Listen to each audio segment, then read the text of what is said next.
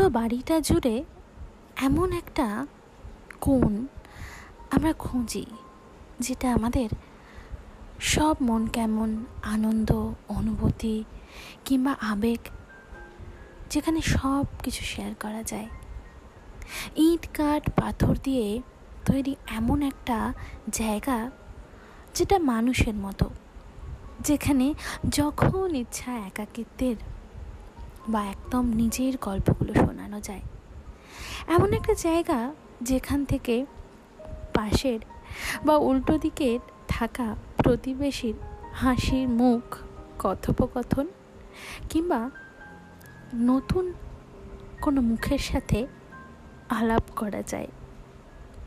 ঘরের ভেতর বা মনের ভেতর যখন তোল পার হচ্ছে, দম বন্ধকর অবস্থা, ঠিক তখনই মনকে আবার তরতাজা করে তুলতে আমরা এখানে অনেকটা সময় থেকে যেতে পারি। নিজের পছন্দের গাছ রং বেরঙের ফুলের ডালি দিয়ে সাজানো নিজের স্বপ্নের জগৎ। কখনো প্রখর রোদের দাবদাহে ফুলগুলোর মুশড়ে পড়া, আবার কখনো লাল হয়ে যাওয়া সূর্যের পরন্ত বিকেলের আলোর সাথে রাতের স্নিগ্ধতায় মাখা সুগন্ধ ছড়ানো একটা জায়গা। যেখানে কবিতা লেখা, গান গাওয়া, প্রিয় বন্ধুর সাথে কাটানো অনেকটা সময়, অনেকটা বিকেল, অনেক সন্ধ্যা, কখনো এক কাপ চায়ের সাথে বিষণ্ন মনে, আবার কখনো প্রিয় কোনো মানুষকে দেখার অপেক্ষায় কাটাতে পারা যায়। শীতের দুপুরের মিষ্টি রোদের স্বাদ পেতে কখনো পাতা ঝরা বৃষ্টির প্রথম ভেজার অনুভূতি নিতে। হ্যাঁ এটাই তো একমাত্র জায়গা, বারান্দা। আর এই বারান্দা তাই বোধ আমাদের সবার বড্ড প্রিয়। কারণে অকারণে প্রয়োজন ছাড়াও যেখানে দাঁড়িয়ে অনেকটা সময় নিজেকে ভালো রাখা যায়। নিজের হাতে বানানো প্রথম গোলাপ, রজনীগন্ধা, গাছের কুড়িগুলো নতুন করে সৃষ্টি হওয়া থেকে তাদের সাথে ভালোবাসা যায়।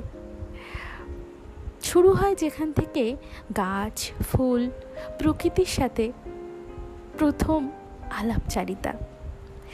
এই বারান্দা বা ব্যালকনিতে থাকে অনেক স্মৃতি, হয়তো প্রথম বারান্দায় বসে এক কাপ চায়ের সাথে খবরে কাগজটা পড়ার মধ্য দিয়ে দিন শুরু হওয়ার অনুভূতি। বারান্দায় থাকে অনেক দুষ্টু মিষ্টি স্মৃতি। যেমন পাশের পাড়ার প্রিয় মানুষটা কখন যাবে? সেই অপেক্ষায় দাঁড়িয়ে থাকা। শুধুমাত্র একটু চোখাচোখি। আর সেই ইশারাতেই যেন অনেক কিছু বলে ফেলা। কিংবা লম্বা একটা কাজের পর সারা দিন পর যখন দুজনেই ক্লান্ত, অফিস থেকে বা নিজ নিজ কাজের জায়গা থেকে ফিরে হাতে একটা দারুণ কফি আর কিংবা প্রিয় যে কোনো ড্রিঙ্কসও হতে পারে। সাথে বারান্দায় বসে প্রিয় গান শোনা কিংবা সারাদিনের নিজের গল্প, নিজেদের গল্প একে অপরের সাথে, নিজের লাইফ পার্টনারের সাথে শেয়ার করা। সারাটা দিনে আমাদের জমে থাকা টুকরো টুকরো যে গল্পগুলো থাকে, এই বারান্দা সেই সব কিছু সাক্ষী। অনেকের কাছে আবার এই ব্যালকনি মানে একটা নিস্তব্ধ, ফাঁকা, একটা শান্তির জায়গা।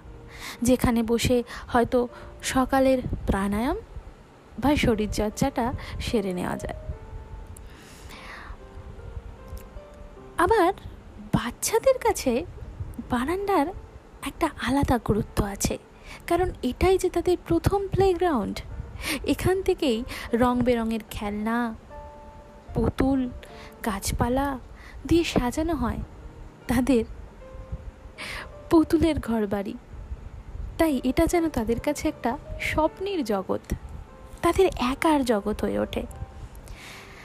ব্যালকনি এমন একটা কর্নার যেখানে বোধ হয় ছোটো ছোটো গাছের জন্ম হওয়ার সাথে জন্মায় অনেকটা পজিটিভিটি আর ভালো লাগা। যে কোনো নতুন কিছু করার ভাবনা, কিংবা জন্মদিন হোক ক্রিসমাস নিউ ইয়ার সব কিছুতেই দারুণ সুন্দরভাবে ছোট্ট জায়গাটাকে ডেকোরেশন করে একটা দারুণ ভাবনা তৈরি করা যায় বা একটা সুন্দর মুহূর্ত উপহার দেওয়া যায় প্রিয় মানুষদের। আর সেখানে অনেক বন্ধু বান্ধবদের সাথে আড্ডা মারামারি, পার্টি করা, এই ছোট্ট জায়গাটা আমাদের অনেক কিছু দিতে পারে। আর তাছাড়া দুর্গা পুজো বা কালী পুজো সেখানে নিজের প্রিয় বারান্দা বা ব্যালকনিটাকে সুন্দরভাবে সাজানোর একটা নতুন উদ্যোগ থাকে। এই সময়টায় যেন প্রদীপ, নানা রঙের আলো, ফুল দিয়ে সেজে ওঠে নতুনভাবে আমাদের সবার প্রিয় বারান্দা। এমনকি যখন কোনো বিশেষ দিনে হয়তো ক্যান্ডেল লাইট ডিনার যাওয়া সম্ভব নয়, তখন এই বারান্দাই হয়ে ওঠে একটা সুন্দর রেস্টুরেন্ট ছোট থেকে বড়বেলার জার্নিতে কত স্মৃতি, বাবার কাছে গল্প শোনা, মায়ের সাথে জামা কাপড় তোলা, গান শেখা, প্রথম নাচের রিহার্সাল সব কিছুই তো যেন শুরু হয় এই বারান্দা দিয়ে। আবার প্রথম বৃষ্টির ভেজার অনুভূতি। কিংবা প্রথম ভালো লাগার মুহূর্ত যেটাকে হয়তো এই বারান্দাতেই বসে ভাবতেও ভালো লেগেছিল। সেই সব কিছু জড়িয়ে থাকে এই বারান্দা। পুরনো বাড়িতে আবার এই ঝুল বারান্দার একটা আলাদা অন্যরকম মাধুর্য আছে। যেখান থেকে দেখা যায় পুরনো বাড়ির সমস্ত কর্নারগুলো। আর তাই জন্য দুর্গাপুজোর সময় যখন ঠাকুর দালানে মায়ের পুজো হয় কিংবা সারাদিন বাড়িতে প্রচুর মানুষ, তখন এই ঝুল বারান্দাগুলো ভরে ওঠে মানুষে। আলোতে, রোশনাইতে, ফুলে সব কিছুতে মানুষের কণ্ঠস্বরে যেন দুর্গাপুজো কেটে যাওয়ার পরেও সেজন্য আনন্দের লেশগুলো এই বারান্দার গায়ে যেন লেগে থাকে। সবশেষে একটা কথা না বলেই পারছি না। ঝুল বারান্দা মানেই একটা দোলনা কিংবা নিজের বাড়ির ব্যালকনি মানেও এই দোলনাতে বসে দোল খাওয়ার বারান্দায় একটা অসাধারণ এক্সপিরিয়েন্স যাদের আছে তারা সবাই এটা অনুভূত করে। কারণ ছোট্ট থেকে সেখানে বসে দোল খাওয়া। আর ছোটোবেলার সব স্মৃতিগুলো বড় হয়ে সেই একই জায়গায় বসে রোমন্থন করা। এই দুটোর মধ্যে কিন্তু একটা দারুণ সাদৃশ্য আছে। আর যখন হয়তো আমরা এখন গৃহবন্দী বলে বারবার আমাদের এই বারান্দাটার কথা এত মনে পড়ছে, কারণ এটাই তো এমন একটা জায়গা বাড়ির বাইরে না গিয়েও যেখানে আমরা অনেকটা ভালো সময় কাটাতে পারছি। হ্যাঁ এই লকডাউনে যারা বারান্দা প্রিয় মানুষ, তারা তো বারান্দাতে আছেনই। যারা বারান্দা প্রিয় মানুষ নন, তারাও হয়তো বারান্দাটাকে ভীষণ একটা ভালোভাবে নিজের কর্নার করে তুলেছে। সত্যি, বারান্দাও মানুষের কাছে কত প্রিয় হতে পারে, তাই না? অন্তত আমার কাছে তো একটা প্রিয় কর্নার নিশ্চয়ই তোমাদেরও। কি মতামত আমাকে জানিও? আর তোমাদের এই বারান্দার গল্পটা কি? সেটাও আমাকে জানিও। আমি মধুরিমা, প্রত্যেক দিনকার মতো আজকেও তোমাদের সাথে ছিলাম বারান্দার আড্ডাতে।